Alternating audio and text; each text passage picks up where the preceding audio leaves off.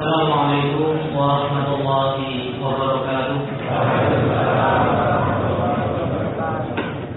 بسم الله الرحمن الرحيم. الحمد لله رب العالمين.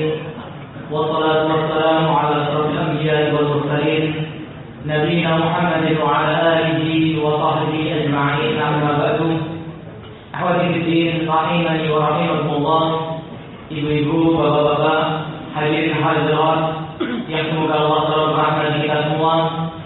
Alhamdulillah kita bersyukur kepada Allah Subhanahu wa taala di pagi hari ini Allah mengumpulkan kita di tempat yang mulia ini bersama orang-orang yang mulia pula dalam rangka mengkaji ilmu yang mulia pula. Maka begitu banyak kemuliaan yang Allah kumpulkan pada kita saat ini. Maka dari ini menuntut kita untuk selalu bersyukur kepada Allah Subhanahu wa taala. Salam dan salam tidak lupa kita aturkan kepada beliau panutan terakhir kita Rasulullah Muhammad sallallahu alaihi wa alihi wasallam. Alhamdulillah rahimani wa rahimakumullah. Alhamdulillah kita kedatangan tamu istimewa yang sudah berkali-kali kita tunggu di Madiun dan sekitarnya ini salah satu putra terbaik bangsa Indonesia yang diberikan kesempatan mengajar di Masjid Nabawi. Semoga ilmu beliau semakin bermanfaat berkah bagi diri beliau sendiri maupun kita kaum muslimin. Dan kita mengucapkan terima kasih kepada Komandan Komandan Lanut Iswah Yudi yang telah memberikan kesempatan bagi Yayasan Anadiyah Islamiyah untuk menyelenggarakan kajian ini. Demikian juga takmir masjid Masjid Al-Quwah lalu Wahyudi dan seluruh panitia yang telah bekerja keras bersusah payah untuk terselenggaranya terselenggaranya kajian yang kita harapkan ini.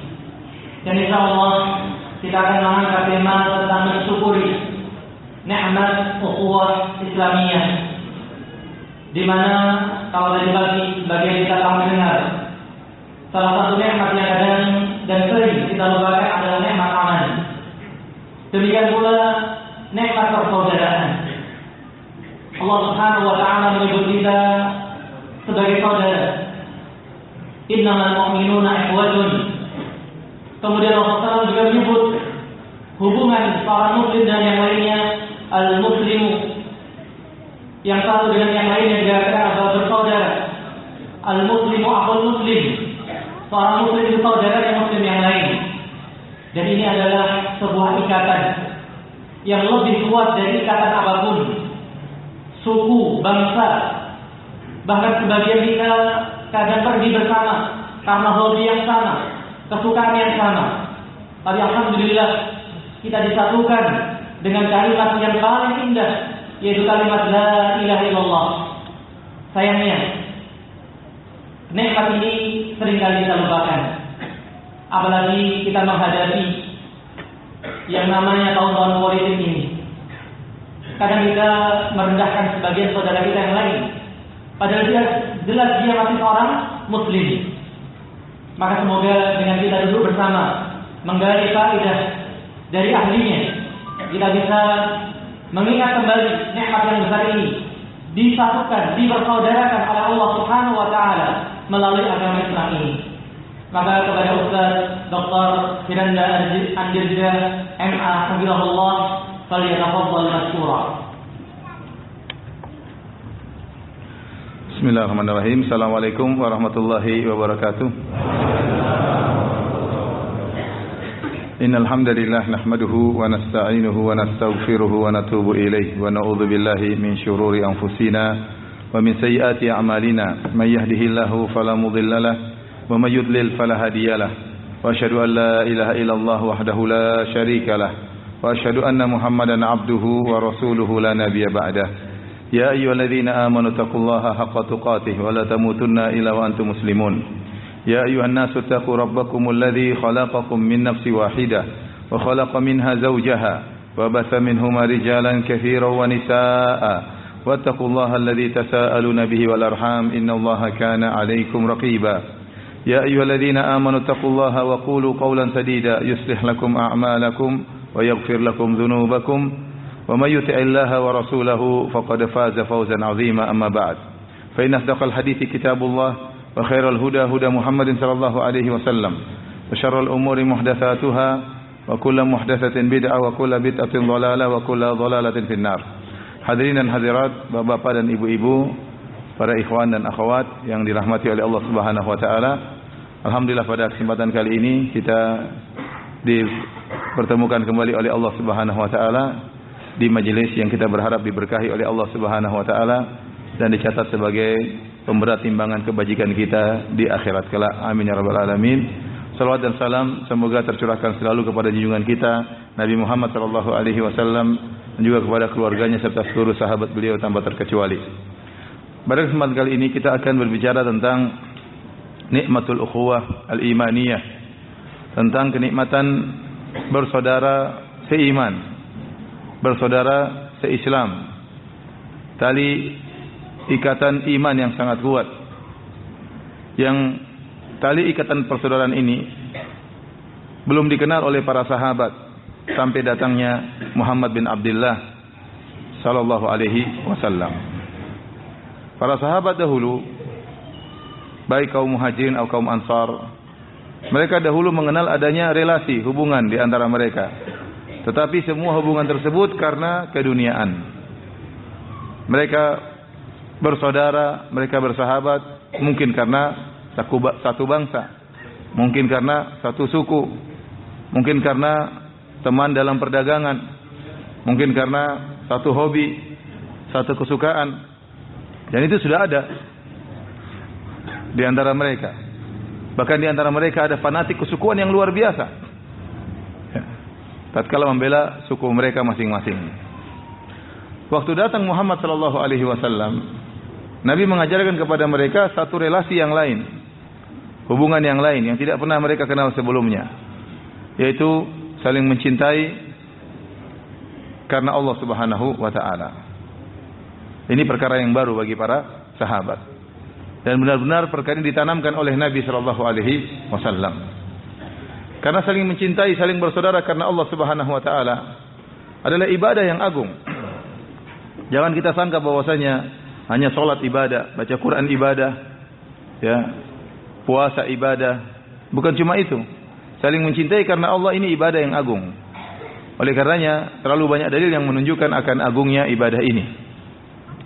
Di antaranya Nabi sallallahu alaihi wasallam menyebutkan dalam hadis qudsi bahwasanya Allah berfirman haqqat mahabbati lil mutazawirina fiyya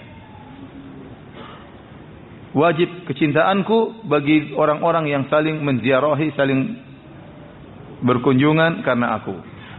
Si fulan mengunjungi si fulan sama karena Allah Subhanahu wa taala. Maka Allah mengatakan wajib kecintaanku kepada mereka orang-orang seperti ini. Seperti juga dalam hadis tentang sab'atun yudhilluhumullah fi yaumi la dhilla illa dhillu. Tentang tujuh golongan yang dinaungi oleh Allah Subhanahu wa taala pada hari naungan tidak ada kecuali naungan Allah Subhanahu wa taala. Itu tatkala matahari jaraknya satu mil. Maka dunia terasa amat sangat panas. Keringat bercucuran. Ada yang keringatnya sampai di mata kakinya, ada yang ila rukbatai keringatnya sampai ke dua lututnya ada yang ila haqawai ada yang sampai ke pinggangnya wa minhum man yuljimuhul araqa iljaman dan di antara mereka ada yang keringatnya sampai ke mulutnya wa asyara ila fi dan nabi menunjukkan kepada mulutnya. Keringat bercucuran luar biasa. Semakin kurang iman seseorang semakin banyak keringat yang bercucuran pada dirinya. Namun di sana ada tujuh golongan yang dinaungi oleh Allah Subhanahu wa taala yang mereka merasakan keteduhan. Keteduhan dari Allah Subhanahu wa taala di bawah di bawah naungan arsy Allah Subhanahu wa taala. Tujuh golongan itu semuanya orang-orang hebat. Orang-orang hebat.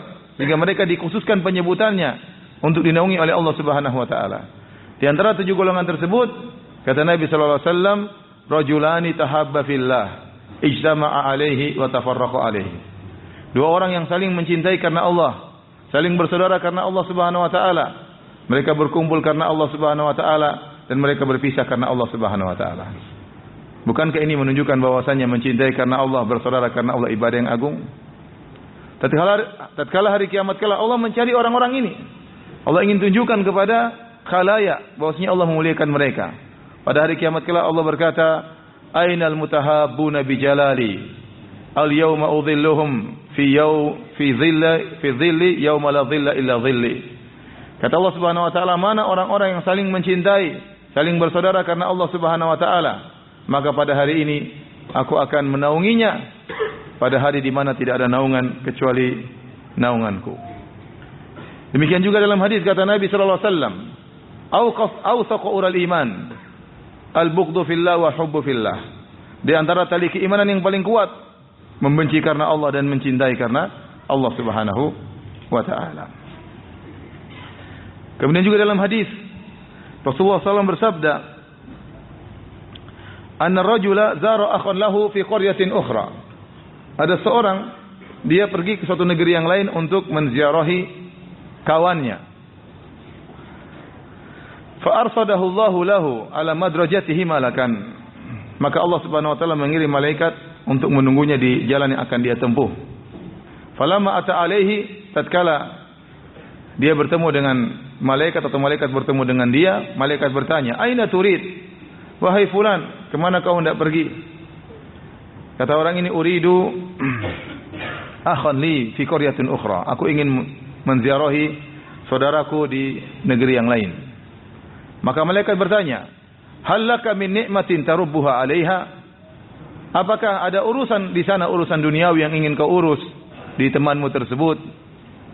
Kata dia, "La ghairu anni ahbabtuhu fillah." Tidak ada urusan dunia. Tapi saya ke sana, saya menziarahinya karena saya mencintainya karena Allah Subhanahu wa taala. Maka malaikat berkata, "Fa inni Rasulullah ilaik anna Allah ahabbaka kama ahbabtahu fihi." Sungguhnya aku adalah utusan Allah yang Allah utus kepadamu untuk menyampaikan kepadamu bahwasanya Allah mencintaimu sebagaimana kau mencintai saudaramu karena Allah Subhanahu wa taala. Bayangkan sampai Allah mengirim malaikat untuk mengabarkan hal ini kepada si fulan tadi yang menziarahi saudaranya bukan karena perkara duniawi tapi karena Allah Subhanahu wa taala. Demikian juga dalam hadis Rasulullah SAW bersabda dalam riwayat Tirmizi dan Ibnu Majah, "Man ada maridan aw zara akhan lahu fillah" Barang siapa yang menjenguk orang yang sakit atau menziarahi saudaranya karena Allah Subhanahu wa taala, nadahu munadin, maka ada malaikat yang menyeru dengan berkata, Antibta wa taba mamsyaka wa tabawwata minal jannati manzilan.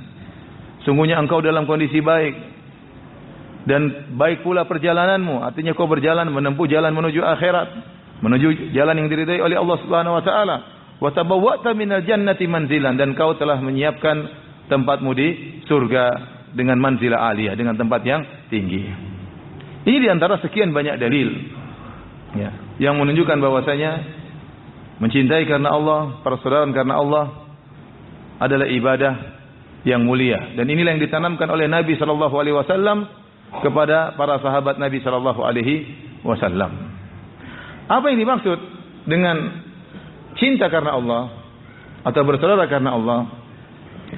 Yaitu kita mencintai si fulan atau kita menjalin persaudaraan kepada dia dengan dia bukan karena dirinya, bukan karena hartanya, bukan karena dunianya. Tetapi karena Allah, yaitu karena dia taat kepada Allah maka pun kita mencintainya.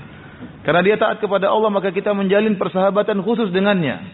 Karena dia adalah orang muslim maka saya pun mencintai sesuai dengan kadar Islamnya karena Allah. Ini namanya mencintai sesuatu karena yang lain. Mencintai sesuatu karena yang lain. Dan ini bisa ditunjukkan mirip seperti suatu syair yang dikenal dengan syair Majnun Laila dia berkata, Amurru ala diyari diyar Laila, uqabbilu dzal jidari wa dzal jidar.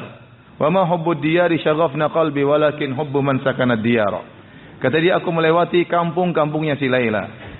Aku pun mencium tembok-tembok yang ada di situ. Bukan karena cinta kepada tembok aku cium si tembok, tetapi karena cinta kepada yang Laila yang tinggal di balik tembok. Paham? Jadi dia mencintai mencium tembok bukan karena temboknya tapi karena ada yang lain. Ada sesuatu yang tinggal di balik apa? Tembok. Maksud hati memeluk gunung. apa daya tangan tak sampai. Maksud hati mencium Laila apa daya bibir tak sampai. Jadi ini makna dari cinta karena sesuatu, cinta karena sesuatu. Yang ini diisyaratkan oleh Nabi SAW dalam hadis di antaranya salah satu mangkunna fihi wajada bihinna halawatal iman. Tiga perkara yang barang siapa tiga perkara tersebut berada dalam dirinya, dia akan merasakan manisnya iman. An yakuna Allah wa rasuluhu habba ilaihi mimma siwahuma. Yang pertama kata Nabi, dia menjadikan Allah dan Rasulnya paling dia cintai daripada yang lainnya. Yang kedua kata Nabi, wa an yuhibbal mar'a la yuhibbuhu illa lillah. Dia mencintai seseorang dan dia tidak mencintainya kecuali karena Allah. Jadi orang kalau mencintai orang lain karena Allah, maka Allah akan berikan dia nikmat iman dalam hatinya. Nikmat iman dalam hatinya. Ya. Dan inilah tali ikatan yang sangat luar biasa. Tadi saya sudah sebutkan kata Nabi, "Awsaqu ural iman." Di antara tali keimanan yang paling kuat al-hubbu fillah. Cinta karena Allah Subhanahu wa taala. Inilah perkara baru yang dibawa oleh Nabi sallallahu alaihi wasallam kepada para sahabat baik kaum muhajirin maupun kaum ansar. Dan ini benar-benar dipraktikkan oleh para sahabat. Tatkala Nabi sallallahu alaihi wasallam memerintahkan para sahabat untuk berhijrah dari Mekah menuju kota Madinah. Ini adalah perkara yang sangat berat bagaimana para sahabat harus berhijrah dan mereka berhijrah tidak ada pilihan lain. Mereka bukan berhijrah karena benci kepada kota Mekah dan cinta kepada kota Madinah tidak, tapi mereka berhijrah karena terpaksa.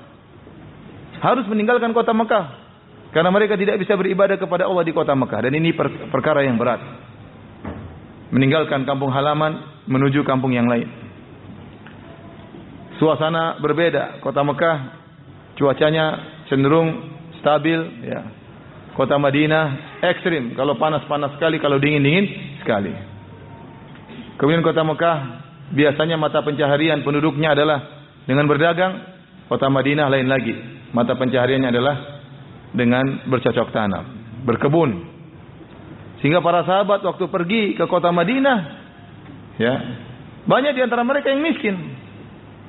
Kenapa mereka harus meninggalkan harta mereka, meninggalkan pekerjaan mereka, tiba di satu kota baru mereka tidak biasa bekerja di situ.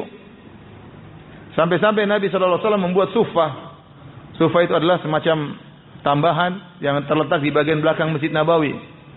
Tambahan tersebut mungkin semacam terpal di atasnya, kemudian orang-orang tidur di situ. Bukan dalam masjid, tapi di belakang, tambahan. Kenapa? Karena mereka tidak punya tempat bernaung. Tidak punya keluarga. Sehingga mereka yang tidak punya keluarga suruh tinggal di situ. Karena saking misinya para para sahabat. Tatkala itu Nabi SAW membuat suatu nizam, suatu aturan yang disebut nizam al-mu'akhad.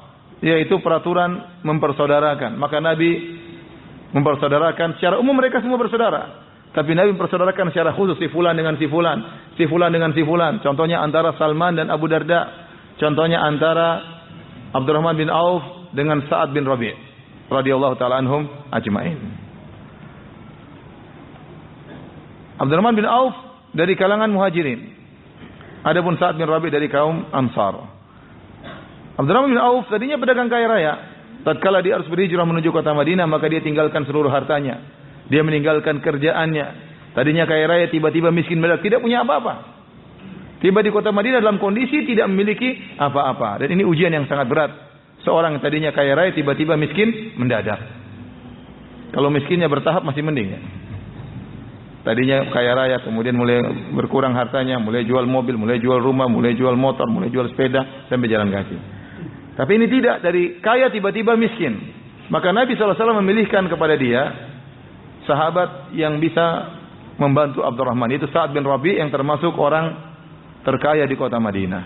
Begitu dipersaudarakan maka Sa'ad bin Rabi' berkata, "Wahai Abdurrahman, sungguhnya aku adalah termasuk kaum Ansor yang paling banyak hartanya.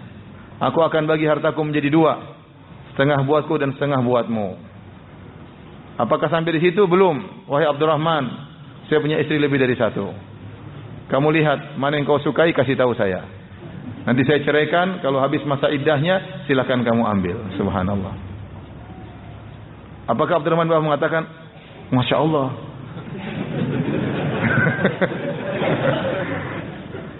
Subhanallah nikmat apa dari Allah tiba-tiba ini. Qadarullah.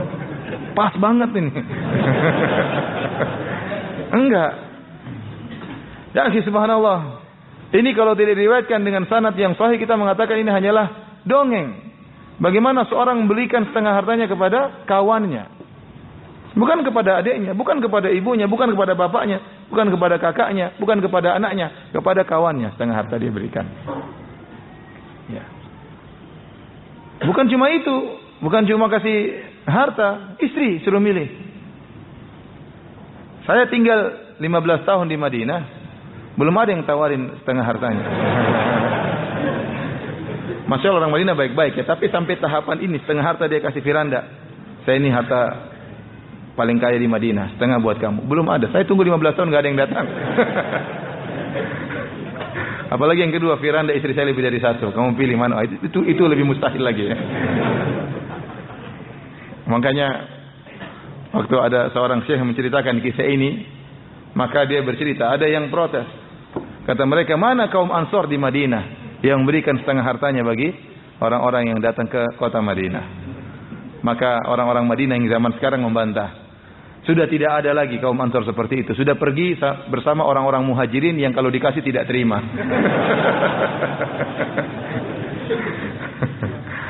Tapi masih banyak orang-orang apa namanya yang baik di di sana.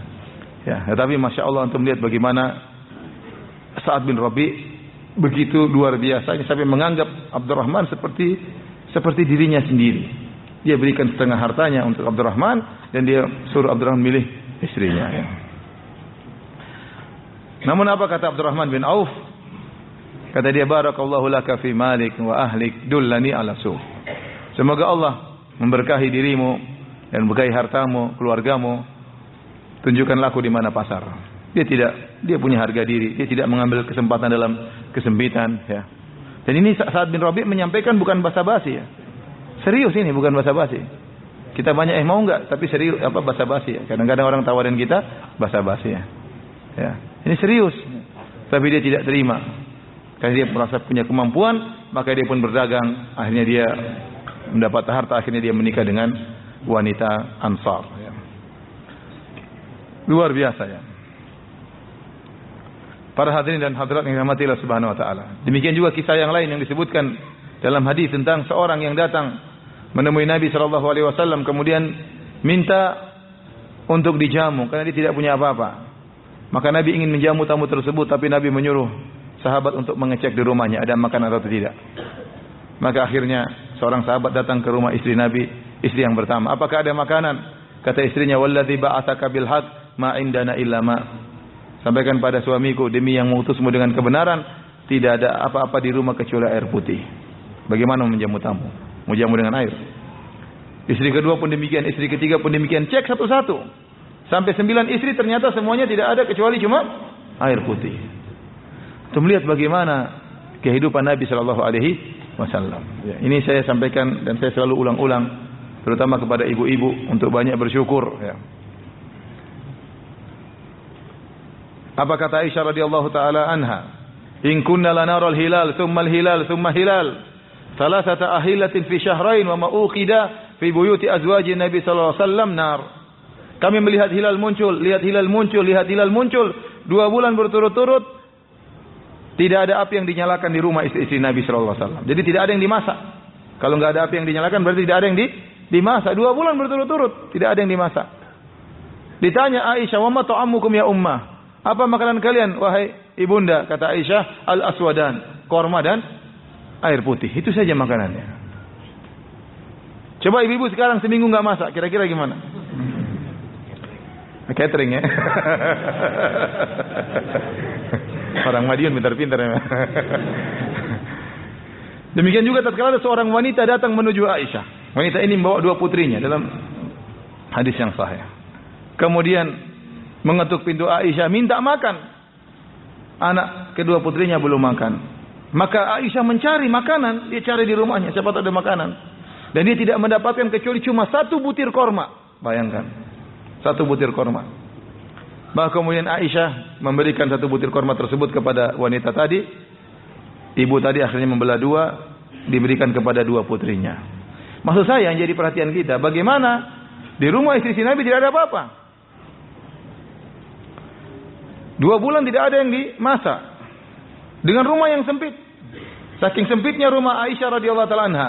Kalau Nabi sallallahu alaihi wasallam salat malam, kalau Nabi mau sujud, Aisyah tidur di depan Nabi. Kalau Nabi mau sujud, maka Nabi menyentuh kakinya supaya dilipat supaya ada space ruang untuk sujud. Saking sempitnya rumah Nabi sallallahu alaihi wasallam. Sekarang ibu-ibu masya Allah, rumah luas, buka kulkas full isinya, kitchen set dibuka, indomie isinya, kantong ada ATM, bahkan ATM suami juga di kantong. terus masih mengeluh terus, mengeluhkan tentang dunia, lupa bahwasanya hidup kita cuma sebentar. Rumah luas nggak pernah sholat malam. Mau sholat di mana-mana padahal bisa. Mau di dapur, mau di mana banyak tempat untuk sholat. Di ruang tamu bisa. Di kamar juga lapang, nggak usah ngurus-ngurus, nggak usah ngusir-ngusir suami. Suami tidur di sana, sini juga bisa sholat. Rumah luas tapi tidak sholat, sholat malam. Makanya kalau kita terpedaya dengan dunia, ingat bagaimana dengan para sahabat, bagaimana dengan istri-istri Nabi Shallallahu Alaihi Wasallam. Ya. Kalau kita melihat sesuatu yang menakjubkan kita dari perkara dunia, kita berkata, baik Allahumma la aisha illa aishul akhirah. Ya Allah, sungguhnya tidak ada kehidupan yang sungguhnya, yang sejati kecuali kehidupan akhirat. Kita kembali. Intinya, akhirnya tidak ada makanan untuk bisa menjamu tamu tersebut. Akhirnya Nabi SAW berkata, Man yudhifu dhaifa Rasulillah. Barang siapa yang mau menjamu tamu Rasulullah, maka seorang sahabat dengan pedenya mengatakan, saya ya Rasulullah. Dia belum cek di rumah ada makanan atau tidak. Tapi dia cek saya pede. Kemudian dia bawa tamunya tersebut sampai ke rumah ke rumahnya, dia tanya sama istrinya, sayang, ada makanan enggak ini ada tamu. Istrinya juga tidak ngomel-ngomel, abi ini ngawur. Coba WA dulu tanya-tanya langsung.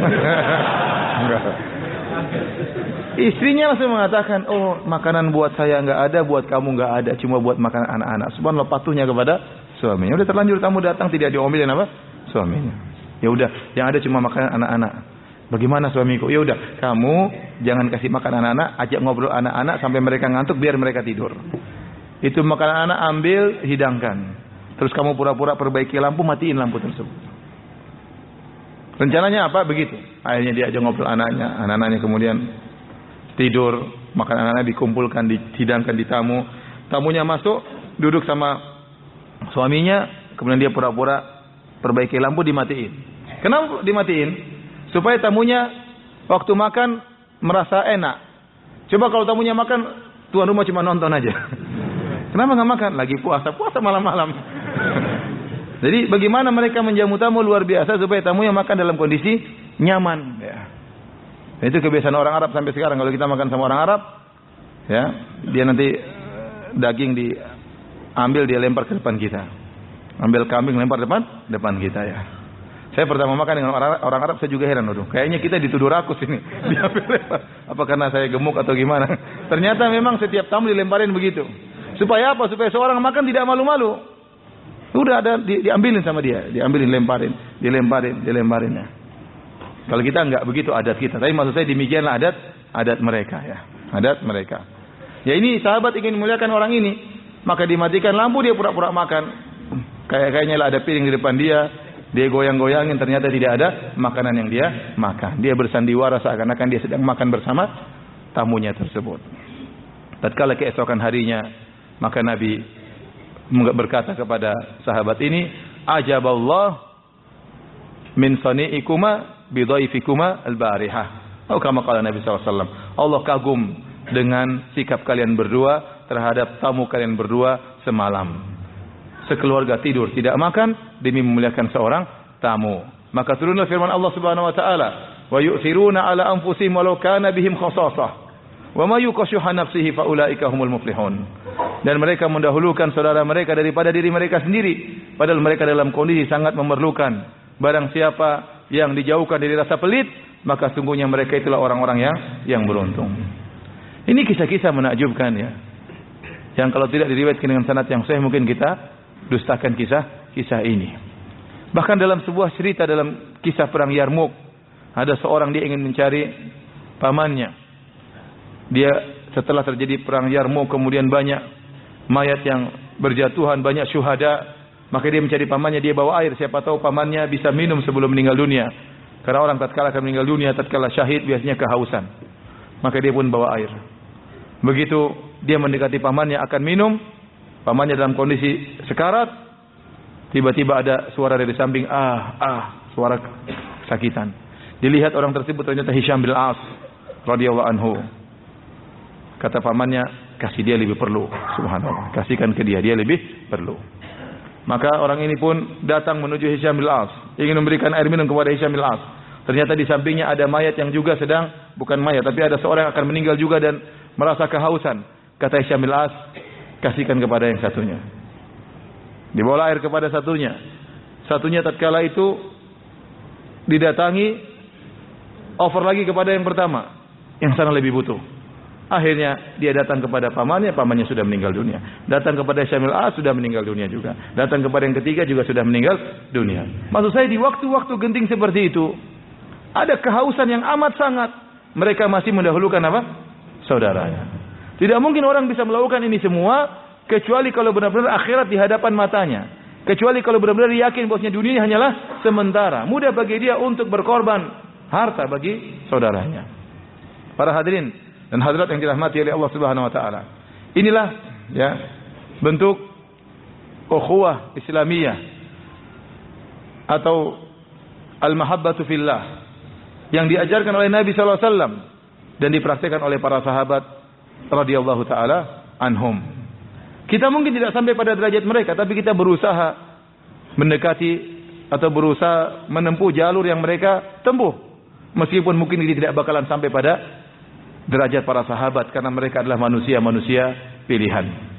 Sungguhnya nikmat ukhuwah, nikmat kebersamaan, nikmat mencintai karena Allah ini nikmat yang luar biasa. Yang Allah suruh kita untuk ingat-ingat nikmat tersebut. Tatkala Allah berbicara kepada kaum Ansar, suku Aus dan suku Khazraj.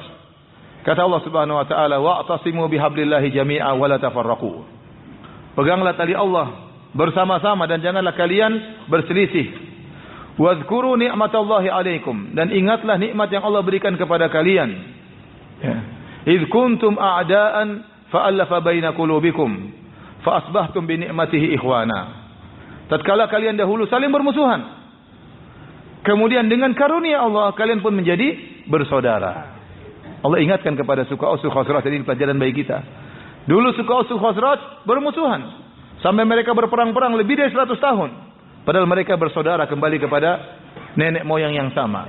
Tapi karena ada masalah duniawi, akhirnya mereka perang-perangan hampir 100 tahun lebih. Kemudian dengan datangnya Nabi SAW, seluruh permusuhan tersebut bisa terlupakan. Kemudian mereka menyatu kembali di atas tali yang baru. Kalau dahulu mereka bersatu di atas tali kesukuan, sekarang mereka bersatu di atas tali kesukuan plus tali keimanan.